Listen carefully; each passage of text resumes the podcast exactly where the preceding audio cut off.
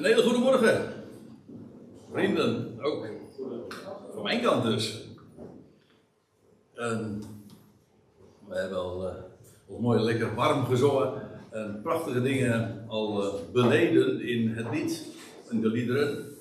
En ja, ik, uh, ik stel voor dat we verder gaan met, met datgene waar we al een eerste aanzet toe hebben gegeven afgelopen zondag. Toen er al wat uh, inleidende dingen gezegd zijn over, over ja, dat overkoepelende thema genieten. En uh, we zijn al wat op de proef gesteld, natuurlijk. Met alle met de ervaringen die, uh, die zo over ons heen kwamen, letterlijk, deze, deze dagen. Maar ik moet erbij zeggen, de vreugde die we mogen kennen, is er bepaald niet minder op. En vanmorgen wil ik jullie uh, voor een tweede keer bepalen bij dat woord waar ik afgelopen zondag ook al wat dingen over heb gezegd. Um, over dat vreemde Griekse woord epignosis, maar het viel uiteindelijk wel mee. Want uiteindelijk uh, de betekenis van dat woord, wat we nog eens een keer in het Nieuwe Testament aantreffen, dat uh, de betekenis daarvan is vooral die van besef. Je dingen realiseren. Vandaar ook die ondertitel kennen en kennen of weten en weten, van mijn part, is twee. Je kunt iets weten, maar dat wil nog niet zeggen dat je het je ook werkelijk realiseert. Terwijl die epignosis juist dat uh, belicht. Dat begrip uh, legt juist de nadruk op het feit dat je de dingen ook daadwerkelijk beseft. En ik doe dit, de, dus de drietal studies die ik mag uh, geven deze week. Aankomende donderdag is het trouwens Erwin die aan de beurt is en dan mag ik vrijdagavond uh, nog een, uh, een slotstudie geven. Voordat wij zaterdag weer vertrekken hier, van hier. Maar ik doe dat aan de hand van een drietal gebeden die de apostel Paulus heeft opgetekend. En wel in de brieven die hij vanuit de gevangenis ooit schreef. Er zijn trouwens nog wel meer gebeden, ook in zijn andere brieven. Maar ik beperk me even tot die, tot die drie gebeden omdat ze tamelijk uitgebreid ook zijn en ik denk dat ze heel goed ook weergeven waar we deze weken vooral ook bij bepaald worden. Die, dat, werkelijke besef, het echte genieten van wat wij in Christus bezitten. En laat ik even vooraf, om even de dingen helder op een rijtje te krijgen, uh, zeggen wat die Kolossenbrief, of de Colossensebrief zo je wilt, uh, is. Het is uh, dus geschreven, dat moet duidelijk zijn, door de apostel Paulus. En dat moet zo ergens in de jaren 60 van de eerste eeuw geweest zijn. Zo in het begin van, die, uh, van dat decennium. Tijdens zijn gevangenschap in Rome. We lezen daarover in handelingen 28, het laatste hoofdstuk. En deze brief is dus geschreven aan een gemeente of een ecclesia in Colosse, een klein plaatsje daar in Turkije. Paulus bevond zich dus in Rome. En deze ecclesia die heeft hij zelf nooit uh, bezocht. Hoogstwaarschijnlijk ook later niet. Maar is ontstaan, dat wordt ook duidelijk gezegd. We zullen dat trouwens uh, straks zelf ook nog wel even bezien. Door de prediking van een Epaphras. En die figuur, daar zullen we straks nog eventjes wat meer ook, uh, over vertellen. Maar nou, om, de, om, een klein beetje een context te geven aan deze brief. Paulus heeft deze brief trouwens geschreven uit dankbaarheid en pure vreugde om wat hij van hen had vernomen. Maar ik moet erbij zeggen, er was ook een dreigend gevaar. En daarover lees je in hoofdstuk 2, uh, vers 8 met name. Ik denk dat dat het sleutelvers wel is, ook de aanleiding aangeeft. Namelijk dat hij zegt van, zie toe, ik heb daar trouwens geen diaatje van, maar kijk het maar eens na. Dat hij zegt, zie toe dat niemand jullie misleiden. Dus het loutere feit dat hij dat zo zegt geeft aan dat die dreiging daar wel degelijk reëel was. Zie toe dat niemand u misleidde door zijn ijdele filosofie en door tradities van mensen.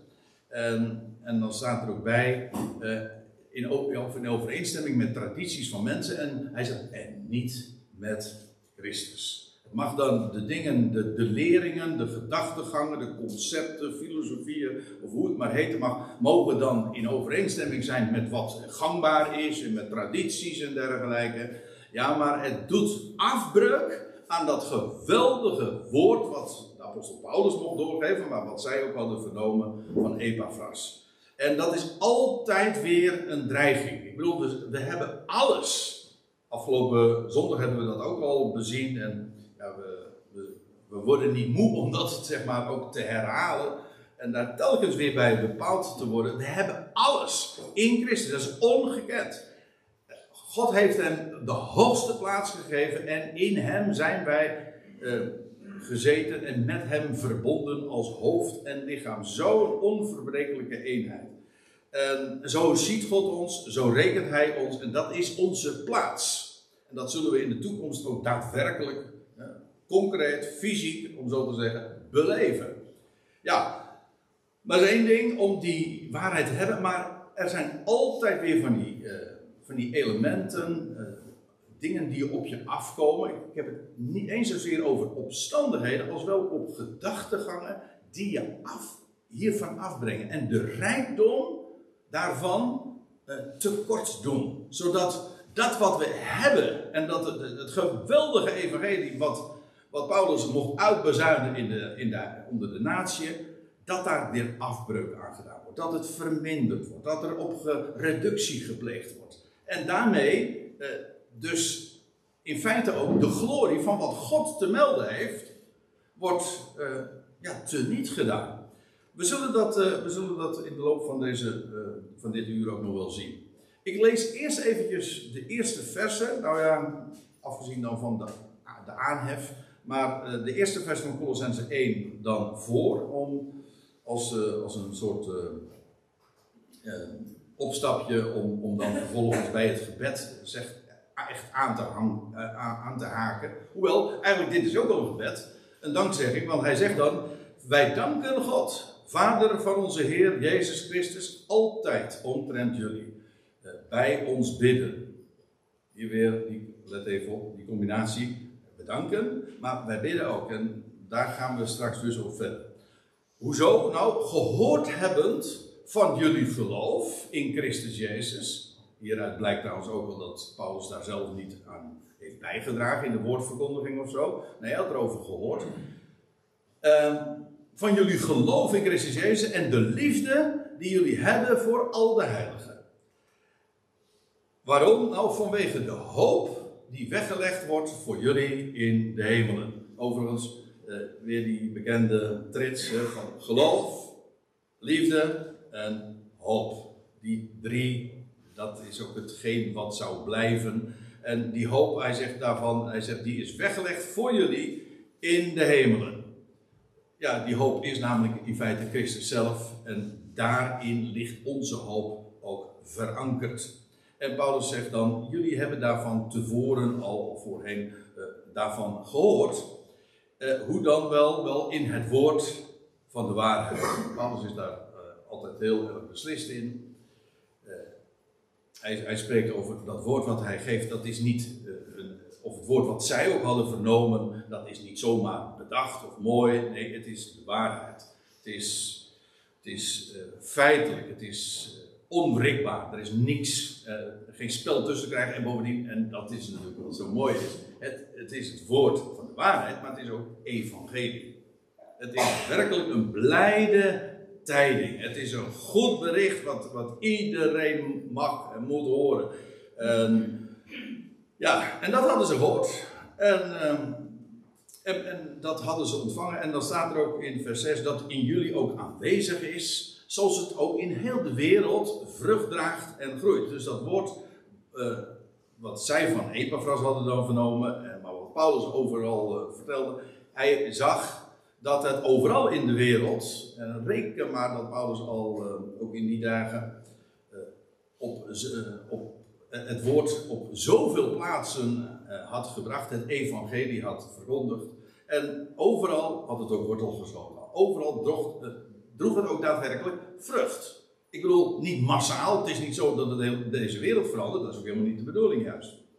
Maar niettemin, uh, overal waar dat woord uh, geklonken heeft, daar heeft het ook daadwerkelijk ingang gevonden en vrucht gedragen. En het groeit. Zoals, en Paulus stelt nog een keer dankbaar vast, zoals ook te midden van jullie. Vanaf de dag, en nou gaan we wat preciezer kijken ook, vanaf de dag dat jullie het hoorden. Het hoorden, nou wat dan? Nou, dat is dat woord van de waarheid dus. Namelijk van het evangelie. En de genade van God in waarheid besefte. Hier heb je weer dat woord epigrosis. Uh, we zullen het trouwens vanmorgen nog diverse keren meer tegenkomen. Want uh, het is e-, een van de sleutelbegrippen in dat Colossense 1. Dus het is niet voor niks dat we, dat we juist ook deze, dit hoofdstuk nu voor het voetlicht brengen. Maar let even op. Um, hij zegt dus, uh, vanaf de dag dat jullie het hoorden en ook daadwerkelijk bij jullie ingang kreeg, God opent ogen, want ook dat is genade. Het loutere feit, niet alleen de boodschap is genade, maar het feit dat je het mag zien. En dat je ogen daarvoor geopend zijn en dat je oren daarvoor geopend zijn en je hart, ja, dat is geen eigen werk. Zojuist is het nog uh, ook, uh, ook voorgelezen, nietwaar? Uit Efeze 2. Het is een gave Gods. En, en, en, als, als dat je vandaag al ten deel mag vallen, ja, dat is een, eh, een lot uit de loterij. Dat is, dat is geweldig. Ja, God, God opent alle ogen uiteindelijk, zodat iedereen, iedereen tot de erkenning zal komen van wie Jezus Christus is. Maar wij mogen het vandaag al zien en beleiden. En, maar dat geloof begint vanaf de dag dat je de genade van God in waarheid ook gaat beseffen. Niet slechts hoort en niet alleen maar zegt van nou, het zal wel waar wezen. Nee, daadwerkelijk ook dat, ik gebruik toch maar weer even, even dat woordje, uh, dat het kwartje valt. Trouwens, ik heb begrepen, een kwartje, dat is dus een, uh, een dat, is, uh, dat zijn vijf stuivers, dat is vijf keer vijf.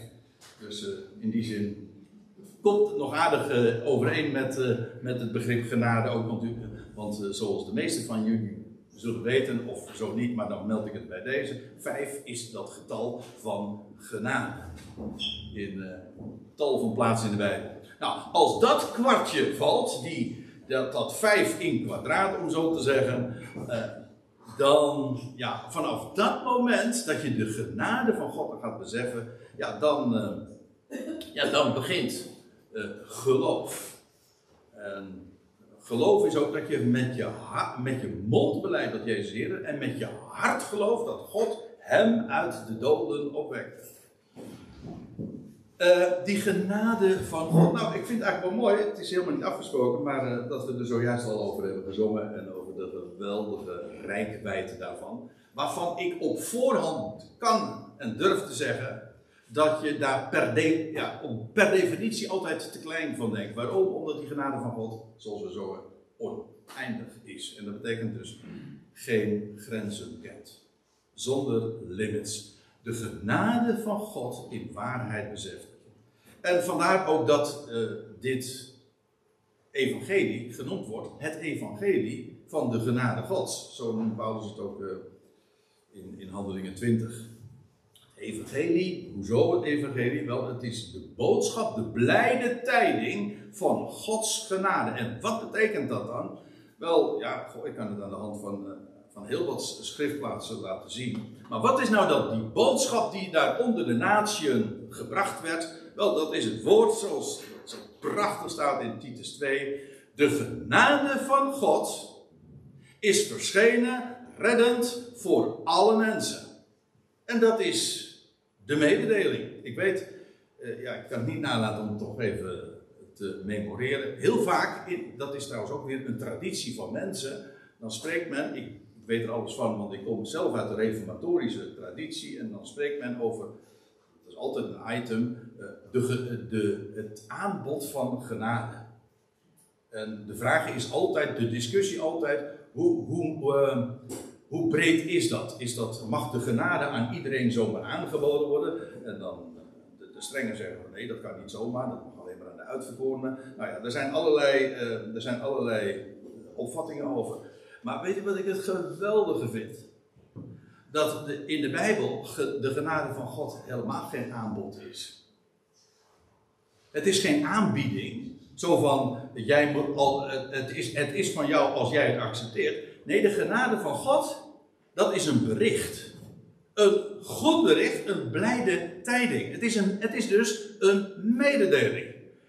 God is jouw redder. Er is, heeft er één voor jou zijn leven gegeven op het kruis van Golgotha. En God wekte hem op. Ja, voor wie? Ja, voor de hele mensheid. Geloof het of niet, maar dat is de waarheid. Hij is jouw redder. Paulus zegt het in, in 1 Timotheus 4 ook, dat hij zegt, dit woord is betrouwbaar en alle aanneming waard. Want, en hij zegt, hiertoe, hiertoe zwoegen wij en, en, en, en, en wij arbeiden, omdat we onze hoop hebben gevestigd op de levende God, die een redder is van alle mensen. Speciaal eh, in de eerste plaats van gelovigen. Want zij, aan hen ontvangt, uh, valt dit, dit deel dit mogen zien, nu al ten deel. Wat een voorrecht. Maar ja, dat is de genade van God. Oneindig groot. En, en God, ik bedoel, als we het hebben over God als schepper, dat is ook een mededeling. Dat is, dat is ook geen aanbod. Het is niet zo van, als jij gelooft dan, uh, dat God jouw schepper is, dan is God jouw schepper. Nee, hij is jouw schepper. Ook als je niet gelooft, dan blijft hij jouw schepper. En dat is met de boodschap van, van de genade van God. De, de, genade is van, eh, de genade is voor jou. De genade van God is redder voor alle mensen. En hij is, hij is jouw redder. Hij is jouw redder. En hoe dan ook, door alle tijdperken heen en wat God dan allemaal nog uh, daarvoor zeg maar, in werk gaat stellen om, dat, om, om mensen tot de erkenning te brengen. De waarheid staat. De genade van God. Ja. Nou, deze kolosses, daarvan lees je dus, ze horen, hebben het gehoord, de genade van God, hebben ze in waarheid, de, zoals de genade van God waarachtig is, hebben ze erkend, maar beseften zij ook. En dan staat er zoals jullie dat leerden van Epaphras. Nou, ik uh, noemde zijn naam al een paar keer inmiddels. En Paulus had, daar zelf was daar niet in Colosse geweest. En deze Epaphras, daarvan lees je, uh, daar Paulus zegt van hem, hij is onze geliefde medeslaaf. Paulus kende hem, uh, persoonlijk ook. En hij is hij die, een getrouw, die getrouw is ten behoeve van jullie. Hij zegt, hij is een dienaar van de Christus. En ik wil nog eventjes nog een tekst noemen waarin zijn naam ook genoemd wordt. En dat doe ik met opzet, omdat het onderstreept waar we het deze week over hebben. Nou, ook weer de Gnosis. Want aan het einde van deze brief bedoel, we lezen nu in Colossense 1. Maar aan het einde van de brief, dan lees je nog ja, de afsluiting. En dan staat er in vers 12 van Colosse 4. Epaphras, die groet jullie, die één uit jullie is. Hij is een slaaf van Christus Jezus. Altijd strijdende voor jullie in de gebeden. Opdat jullie zouden staan, volwassen en ten volle verzekerd in alles wat God wil. Hier zie je trouwens ook al, als u mij vraagt, ehm, een hint in de, de dreigingen die daar in wel degelijk ook waren. Dus met alle vreugde die Paulus uh, vaststelt, en hij had zelf van Epaphras vernomen hoe dat allemaal daar ontvangen was, maar hij realiseerde zich het gevaar en Epaphras dus kennelijk ook heel goed, want hij strijdde in zijn gebeden. Hoezo? Wat valt er nog te bidden? We hadden de vraag al een keertje eerder eh, zo opgeworpen afgelopen zondag. Wat valt er nog te bidden als je alles hebt? Wel, waar het om gaat, is dat we ook daadwerkelijk zouden blijven bij de waarheid en dat ook daadwerkelijk zouden beseffen. En alleen als je het beseft, dat is, als je een besef hebt van dat wat je ten deel is gevallen, dan is het ook niet moeilijk om daarbij te blijven. Maar op het moment dat het, dat het besef uh, verdwijnt en, minder wordt en dat het alleen nog maar een weten is, zo van het zal wel zo zijn. Ja, maar juist dan, op het moment dat je niet meer echt beseft, ja, dan word je vatbaar voor andersluidende beweringen, want dan zie je namelijk niet meer de waarde waar je ooit wel van overtuigd was. Nou ja, uh, van deze Epaphras lees je dus, ze waren, hij was altijd strijdende voor jullie in de gebeden. Hoezo? Dat ze zouden staan. Dat wil zeggen ook zouden blijven staan. En niet, zich niet zouden laten afbrengen. Dat staat trouwens ook in Colosse 1 vers 23. Kijk maar eens na. Opdat jullie zouden staan, uh, volwassen. Dus wil zeggen volgroeid, in, ook in het besef. En ten volle verzekerd in alles wat God wil. Daar kom ik straks nog even op terug. Oké, we gaan weer even terug. die jullie, die, uh, gaat het dus over die Epaphras, die jullie uh, ook aan, uh, pardon, die ook aan ons duidelijk maakte jullie liefde in geest. Of de MBG-vertaling zegt het met een hoofdletter, dat weet ik niet of dat. het Grieks kent geen hoofdletters en kleine letters, of het, verschil niet. Dus maar of geestelijke liefde. Het is in ieder geval niet naar het vlees. Ik denk dat de gedachte hier is: zal de liefde voor voor Paulus. En Epaphras die heeft dat verteld. Hij zei van, joh, ze zijn zo geweldig uh, blij met jou.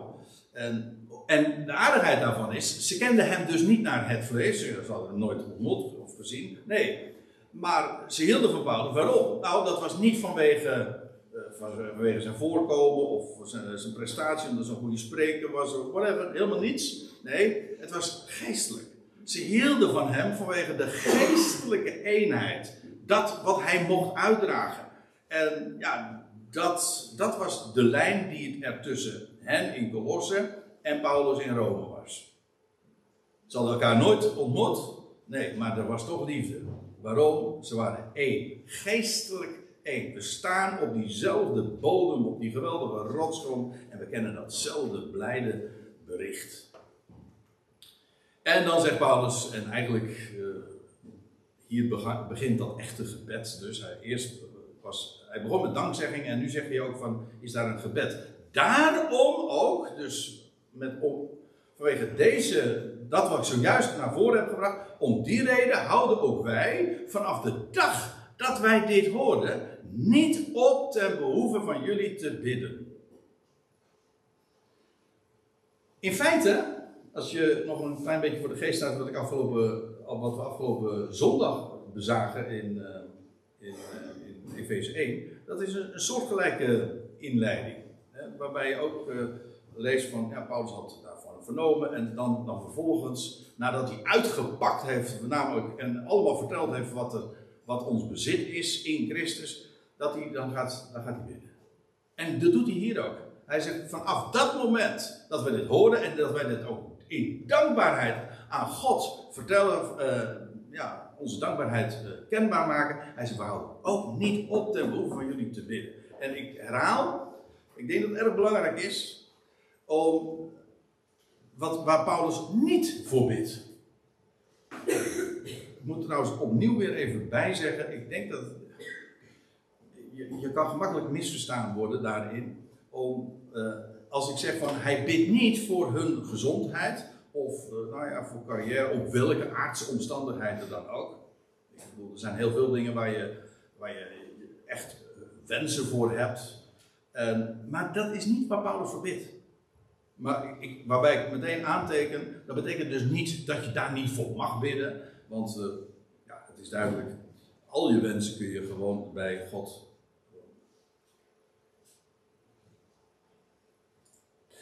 al je wensen kun je bij God maak al je uh, wensen bij God bekend. Uh, gebed en smeking. En staat erbij met dankzegging.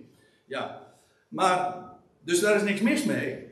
Maar waar het Paulus werkelijk om gaat, en dat zie je iedere keer terug, dat hij bidt. Ja, voor wat? Nou, en bidt en vraagt dat jullie vervuld mogen worden van het besef van zijn wil. En hier opnieuw heb je dat woord is hier dat woord. Of in ieder geval datzelfde stamwoord wat je hier dan ook weer tegenkomt. Het besef dat jullie vervuld mogen worden, niet een, merk je ook op uh, hoe, hoe, hoog Paulus als het ware de lat legt. Dat hij dus, dus niet zegt van dat we een beetje wat gaan verstaan van de wil van God. Nee, dat, hij, dat we vervuld mogen worden dus logisch ook dat Paulus dan daarvoor bidt, want dat is geen mensenwerk. Ik bedoel, als je nou vraagt van ja, maar wat, wat, wat kunnen wij als mensen, uh, hoe kunnen wij ons als mensen nou opwerken dat we geestelijk helemaal vervuld zijn? Ja, als dat de, de ingang is, als dat de manier is waar, waar je het onderwerp tegemoet treedt, dat, dat is op voorhand teleurstellend. Want dan zeg je, ja, God, ik, ik schiet als mens altijd tekort. Maar als je nou aan God iets bidt, ja, dan, dan richten we ons tot iemand, tot degene die hemel en aarde gemaakt heeft, denkt u nou werkelijk dat voor hem iets onmogelijk zou zijn? Dat is toch bizar? Natuurlijk kan hij dat. Dus als je het zo, als je het zo zegt, en Paulus formuleert het inderdaad zo, hij zegt, hij zegt we bidden en we vragen dat jullie vervuld mogen worden. Dat kan geen mensenwerk zijn, want dat is nu eenmaal, uh, dat, dat kunnen wij als mensen helemaal. We zijn, we zijn al heel. Als mens zijn we soms al blij als je, uh, als je in staat bent uh, om, om, om mentaal het allemaal nog een beetje bij te benen, zeg maar, in de omstandigheden van het leven. Nee, maar Paulus gaat er eigenlijk nog helemaal aan voorbij, want hij heeft het helemaal niet over, over ons uh, vermogen of onze mentale capaciteiten of om, om iets dergelijks te bereiken. Nee, dat jullie vervuld mogen worden van wat dan wel? Van het besef van zijn wil. En begrijp me goed, dat die wil van God is niet alleen maar uh, dat wat God wil met mijn leven. Dat is natuurlijk uh, wel vaak zoals het onderwerp ook ingevlogen wordt, of aangevlogen wordt, zo moet ik het zeggen. Uh, ja, wat wil God met mijn leven? Nou, wat God wil, dat is zoveel groter en dat is wat je ook ziet in, uh, ja, in deze brieven. Trouwens, we lezen in 1 Timotheus 2 al van God wil dat alle mensen gered worden en tot komen tot kennis van waarheid. Hè. Maar ook eh, in verband met eh, de wil van God hier, dan zien we dat dat maar niet alleen de wil van God is met betrekking tot mijn leven. Nee, de wil van God heeft te maken met wat Hij voornemens is met deze hele schepping. Kijk maar eens naar.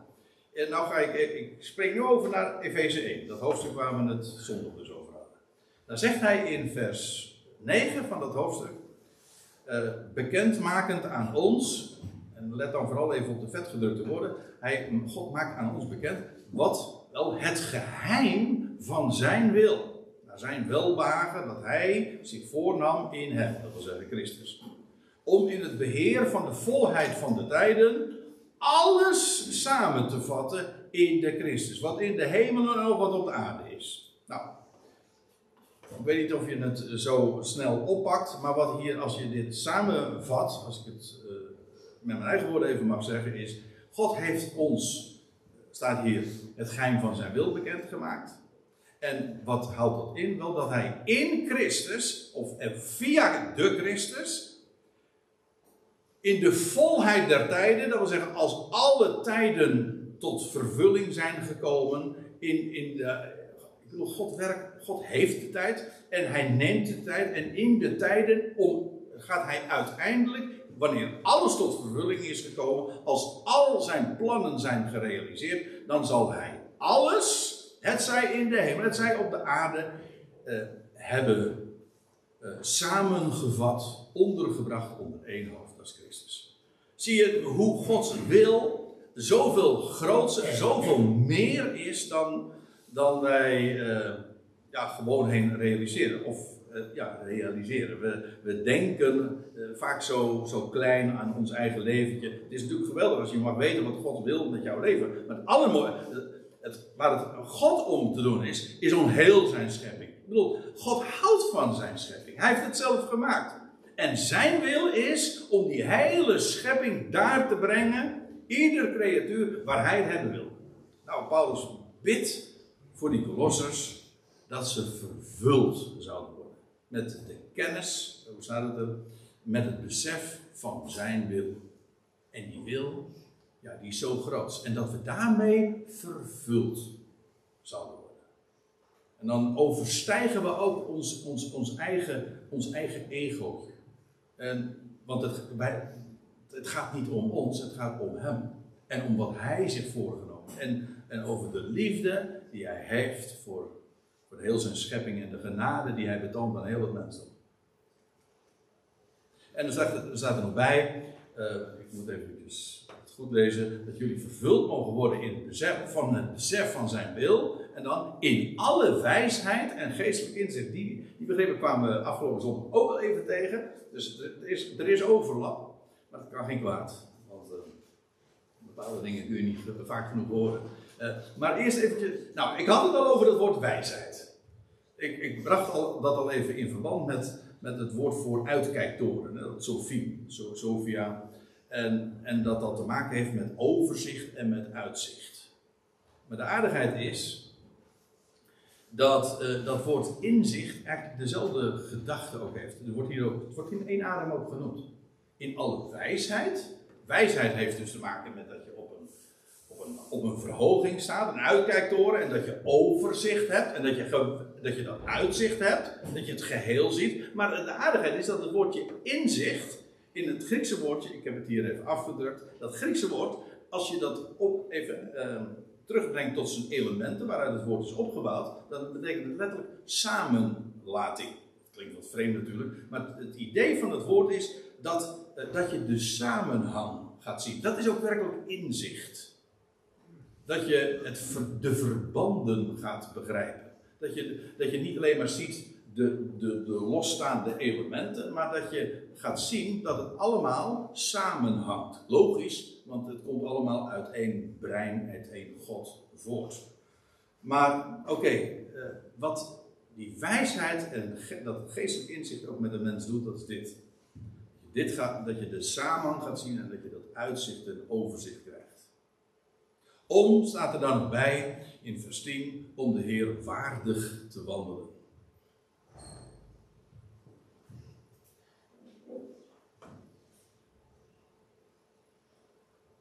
Je zou zeggen dat het helemaal niet zo dorstig weer is. Maar als je toch aan het praten bent, dan heb je zo af, en toe toch behoefte aan een slok. Oké. Eh, om de Heer waardig te wandelen. Dat, in dat woordje waardig, dat zie je ook in, in, in het Grieks terug. Daar zit dus het woordje waarde in.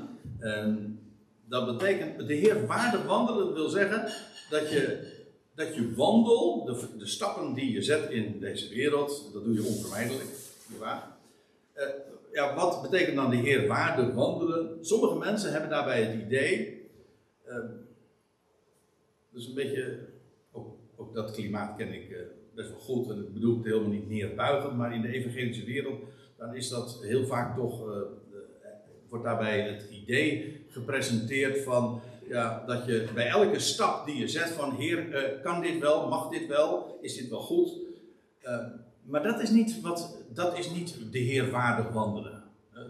Als het gaat om die vraag van uh, mag dit wel, mag dit niet, dan zegt, daar is Paulus nogal, uh, daar is hij nogal simpel in. Hij zegt van ja, alles is geoorloofd. En de aarde is des Heren en haar volheid, dus welke stap ik ook zet, ik zet altijd een stap op zijn, dus op zijn domein. Toch? Ik kan daar nooit buiten vallen. Maar de heer, de heeft ook niet te maken met dat ik bij elke stap zeg, mag dat dan wel of mag dat niet. Maar dat ik bij elke stap die ik zet, mij bewust ben van de waarde van hem. Want waardig wandelen wil zeggen dat je de, in je wandel de waarde realiseert van wie hij is. Alleen dan kun je waardig wandelen. De Heer waardig wandelen. Dus ook hier zie je trouwens dat het begint wel degelijk bij kennis. Als je, als je niet weet hoe waardig de Heer is, als je niet de waarde van Hem kent en de waarde van Zijn woord en dat wat Hij te melden heeft, ja, dan kun je Hem ook niet waardig wandelen. Want dat kun je namelijk Hem niet, dan, dan schat je Hem niet op waarde. En dan zie je ook niet in hoe waardevol dat is. Daarom is het zo belangrijk elkaar ook voortdurend voor te houden hoe geweldig rijk dat woord is. Dan moet je weten. Als je niet weet, of als daar afbreuk aan gedaan wordt. dan zeg je, ja, dat is allemaal dat, dat is wel heel erg mooi. Dat is allemaal wel heel erg makkelijk. Hè? Dat is allemaal wel heel erg rijk. Dan weet, als ik zulke verwijten eh, hoor, dan denk ik altijd van, ja, volgens mij, eh, ik, ik, ben, ik ben er nooit bang voor. Ik, ik weet niet hoe u dat hebt. Ik ben, ik, zelf, ik ben er nooit bang voor dat ik te rijk of te groot over mijn Heer denk. Daar ben ik nooit bang voor. Want ik weet namelijk op voorhand dat alles wat ik over hem zeg, of, of het is waar, of ik doe het tekort. Maar nooit, ik, ik, ik spreek daar te groots en te wijds van. Dat kan niet. Onmogelijk. Dus ja, dat is, dat is een enorm, ja, ik zeg het ook als een bemoediging. Heerlijk om dat te weten. Onze God is zo groot. En de Heer die wij kennen, ja, die is zo waardevol. En Vertel dat gewoon aan elkaar. Want je kan natuurlijk wel tegen mensen zeggen van, let op je wandel. Natuurlijk. let op waar je loopt. Hè? Want je, de planken waren hier. Erwin, jij zei het nog. Er, viel net een, een, klein kind, wie, wie, was het ook weer? Die viel hier, hier op die loopplank. Maar het was erg glad vanwege de regen. En toen zei Erwin van, kijk uit, want het is glad. Na, daarna dus, ja. ja. ja. die adviezen van Erwin die zijn geweldig. Ja. ja. ja, ik heb nee, maar in het algemeen ook. Je kunt natuurlijk mensen wel waarschuwen van kijk uit waar je wandelt, want je, je zomaar een misstap. Ja, maar weet je wat je veel beter kunt doen? Vertellen hoe geweldig waardevol de Heer is. En als, als mensen, als je dat gaat realiseren, dan kun je ook, waar, dan kun je ook waardig wandelen. Dan wordt je leven met recht waardevol. En wel, hoe waardevol? Wel zo waardevol als hij is. Ehm, en, en er staat er nog bij, uh, om de Heer waardig te wandelen, in alles hem te wagen. Dit is dus, ik, ik herinner er nog even aan, dit is dus wat Paulus bidt voor de Colossus. Ze kenden de genade Gods in waarheid, oké. Maar nu bidt Paulus dat het nog groter innerlijk voor hen wordt. Dat, dat ze vervuld worden van de besef van zijn wil. En dat ze de waarde gaan zien van hem in elke stap die ze gaan zetten. Uh, of die ze zetten in deze wereld. En, en dat ze hem in alles te behagen, in alle goed werk vruchtdragend. Dit is geen mensenwerk. Dit is echt Nee, maar weet je, ehm, als je even doorbladert in dezezelfde, dezezelfde brief, dan staat er in Colossense 3, ik vind hem heel mooi. Dan staat er ook hoe dat, hoe dat dan in de praktijk ook werkt. En dan staat er in, uh, in vers 17, en, en alles, wat jullie ook mogen doen, in, het zij in woord, dus in spreken of in werk, in acties, uh, wat, wat dan ook, doet alles in de naam van de Heer Jezus, dankende uh, Vader God, zo staat het letterlijk dan, dankende Vader God. Hoe dan? Wel door Hem. We komen door Hem tot onze God. Maar uh, even bij dat alles, alles, elke, elk ding in je leven, daar kun je God voor danken. Want Hij geeft het. En Hij, hij werkt de dingen uit. En je krijgt, je krijgt de dingen uit zijn handen. Dat was toch uh, een van de basisideeën van genieten. Hè? Dat is je geniet iets wanneer je iets, wanneer je beseft dat je het ook krijgt en ontvangen hebt. Wel, bij, bedank, bij, bij elke stap die we mogen zetten, bedanken God. In het besef dat zijn, niet alleen maar dat zijn, de bestemming die hij voor ogen heeft gaat bereiken, dat dat de bestemming het beste is, maar ook de weg die hij gaat is de beste, altijd. Ook daar, dat zingen we wel. Zijn uw Gods weg is de beste, de beste altijd. Nou is het, zelfs het weten daarvan wordt heel dikwijls ook in de christelijke wereld eh, aangevallen. Zo, nou ja, niet, er zijn dingen waarin, waarin, uh, waarin God uh, ook maar leidelijk moet toezien hoe, hoe de mens zeg maar, uh, het ervoor afbrengt. Nee, Gods weg is de beste. Altijd. En de weg die hij gaat. En dus betekent dat ook als, als je dat werkelijk realiseert, dat je in alles wat je doet, maar zelfs in alles wat je overkomt, dat zijn weg de beste is. Denk je nou werkelijk dat hij die jou lief heeft, dat hij met jou een weg gaat, die niet het allerbeste is, wat zich laat denken?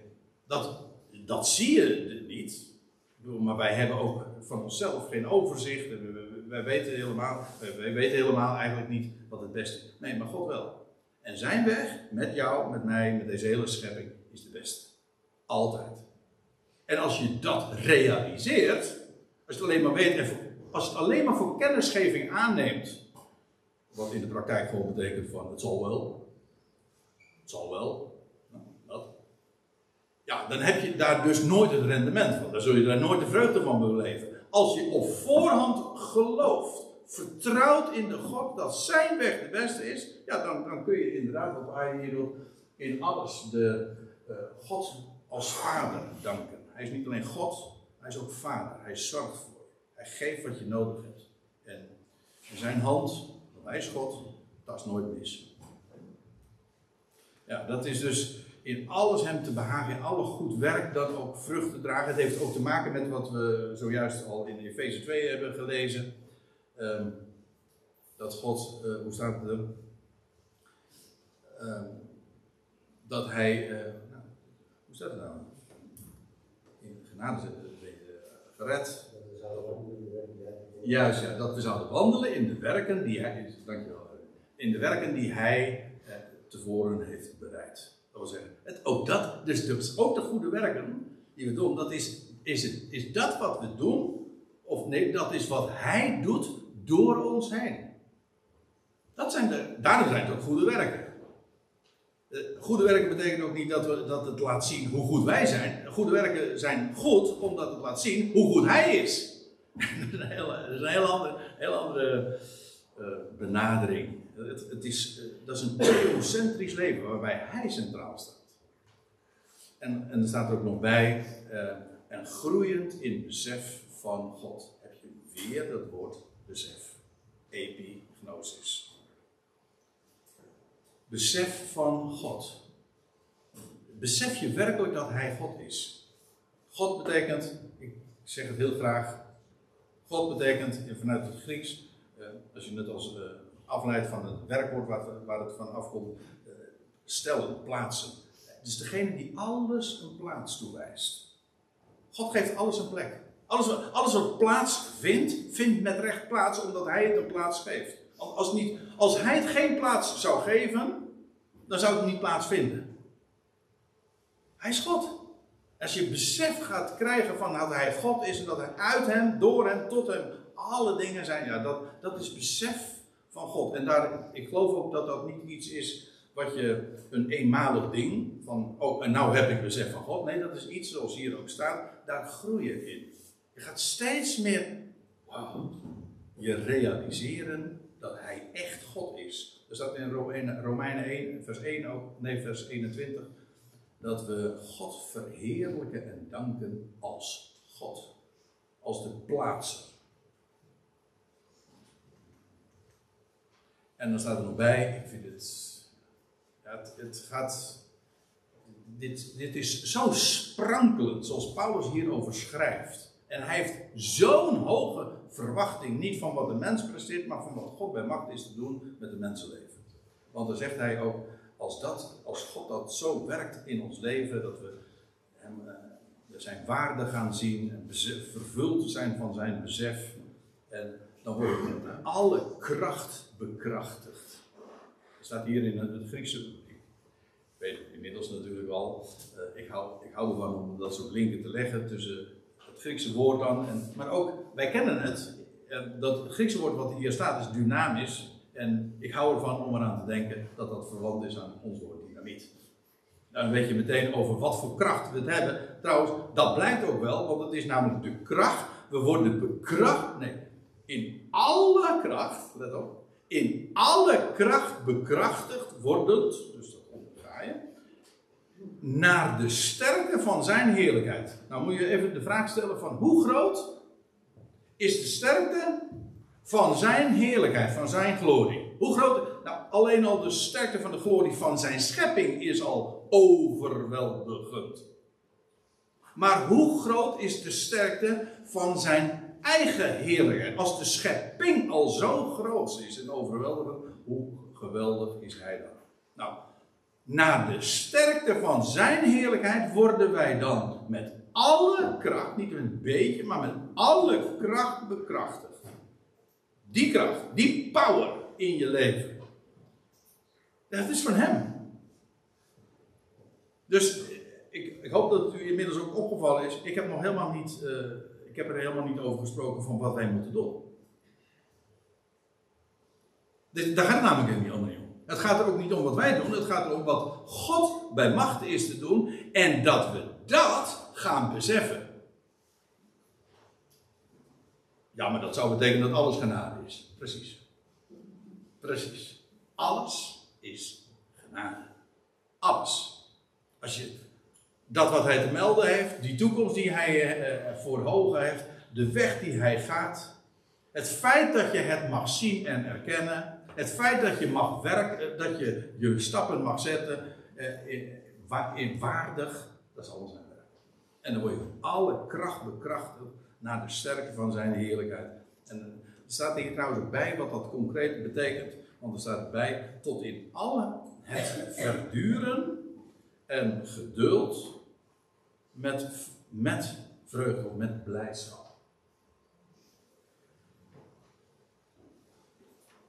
Als je al met alle kracht bekrachtigd wordt, dan, dan leidt dat tot, dan staat het tot al, weer, al het verduren. Er staat in de MBG-vertaling trouwens volharding, maar dat is een iets ander woord. Uh, is een, is subtiel verschil tussen vol, volharden en verduren. Volharden, dat is iets dat wat je doet, hè, en daar blijf je in volharden. Verduren wil zeggen dat uh, verduren heeft te maken met de dingen die je overkomen. Die verduren je. En dat, ja, dat, dat, kan soms heel zwaar zijn. Eh, in dat geval spreken we ook over wat je moet verduren. Dat heeft te maken met last, met moeite. Maar hij, in alles wat ons overkomt, dat is de garantie die hier wordt eh, gegeven, is dat we dat in staat zijn dat te verduren. Ook met geduld. Want je gaat besef krijgen van ja, maar er is één God en hij heeft de tijd en, en, en zijn weg is de beste. En dan ga je ook, dan leer je ook, dan groei je ook in geduld.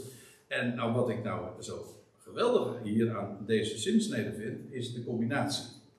Omdat dat echt goddelijk is.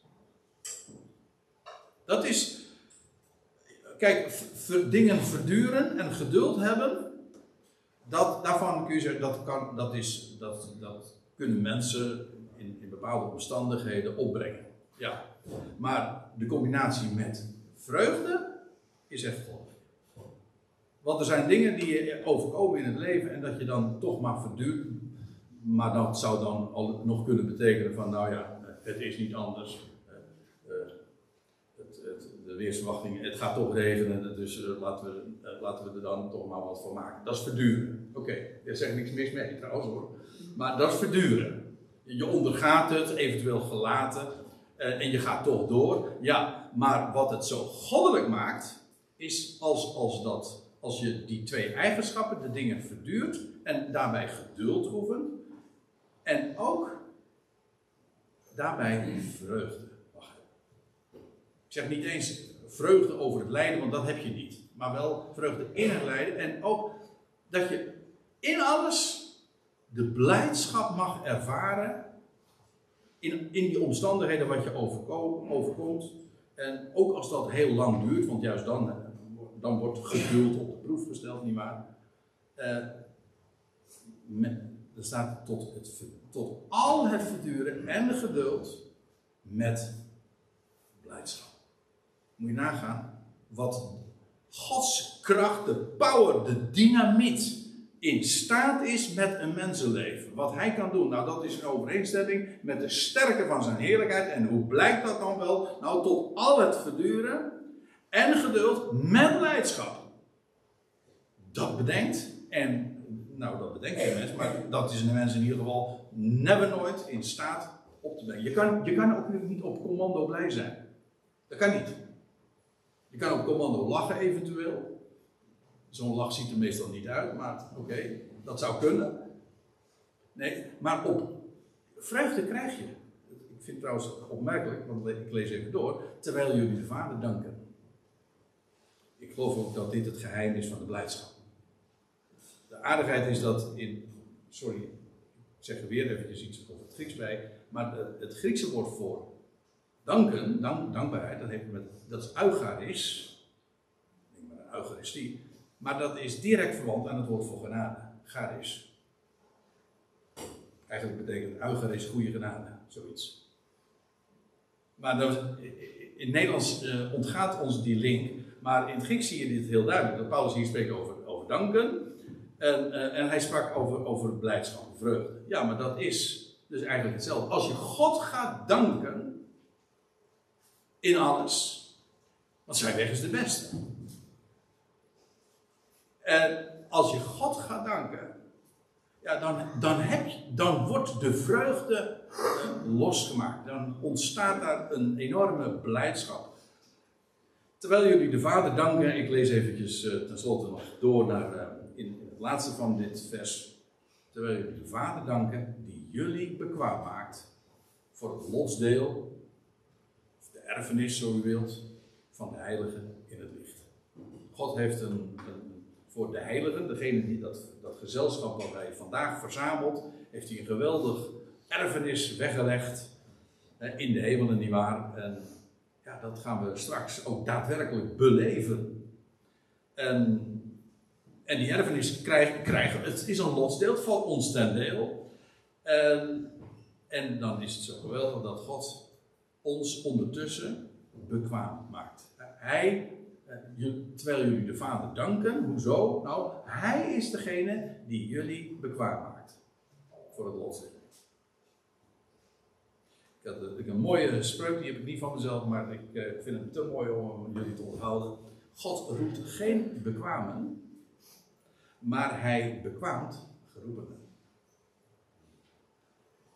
Als God je vandaag roept en je mag horen bij die Ecclesia, en hij heeft jouw ogen geopend voor dat geweldige bericht van wie hij is en van de genade Gods voor alle mensen, als, je, als hij jou roept, en hij jouw ogen daarvoor opent, dat is genade. Ja. En wat hij dan vervolgens doet, is: je bent geroepen, dat zijn genade, dat zijn werk. En vervolgens gaat hij je ook bekwamen. En gaat hij jou geven wat je nodig hebt. En wat, en wat valt er dan nog te bidden? Nou, één ding. Dat we dat echt elke dag van ons leven gaan beseffen. En Paulus zegt ook: ik hou niet op te bidden dat jullie daarmee vervuld worden. En ik zou zeggen, dus, nou ga ik toch iets zeggen van niet wat we moeten doen, maar het is wel het beste advies wat je kunt geven aan mensen. En dat is daarin de apostel van de natie na te volgen. Elkaar toe te bidden.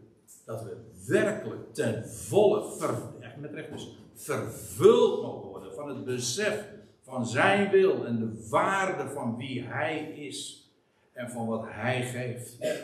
Ja, nou dan, uh, dan valt er nog zo oneindig veel hier op aarde al te genieten. Want Hij maakt ons bekwaam. Zullen we onze Vader daarvoor ook danken.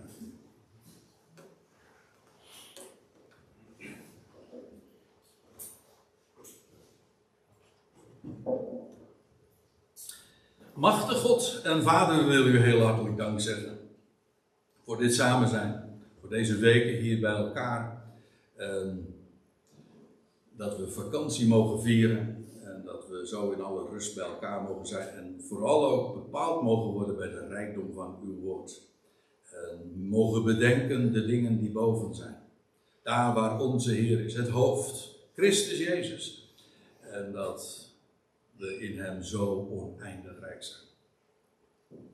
En dan lezen we, we vernemen het, we kunnen erover studeren, we kunnen tekst met teksten vergelijken. We kunnen zeggen, wauw, geweldig. Maar dat we ook werkelijk gaan beseffen hoe groot, hoe heerlijk dat is. En dat we met recht op de hoogte gebracht worden. Zulke adembenemende perspectieven, uitzichten mogen krijgen. Maar ook, het, mogen ook de samenhang van de dingen gaan zien. Overzicht mogen krijgen. Wijsheid, inzicht. Heer, er is er maar één die dat werkelijk in ons leven zo kan bewerken zoals we zojuist ook laatst met elkaar. En dat bidden we elkaar ook toe. Voor onszelf, maar ook aan allen die we mogen kennen. En Heer, er is niets groter dan een leven dat gevuld is van uw genade en van u bij machten bent te doen. U bekwaamt geroepen. Heer, we danken u in de naam van Hem, die ooit zijn leven gaf, tot een losprijs voor allen de redder van deze wereld, Christus Jezus.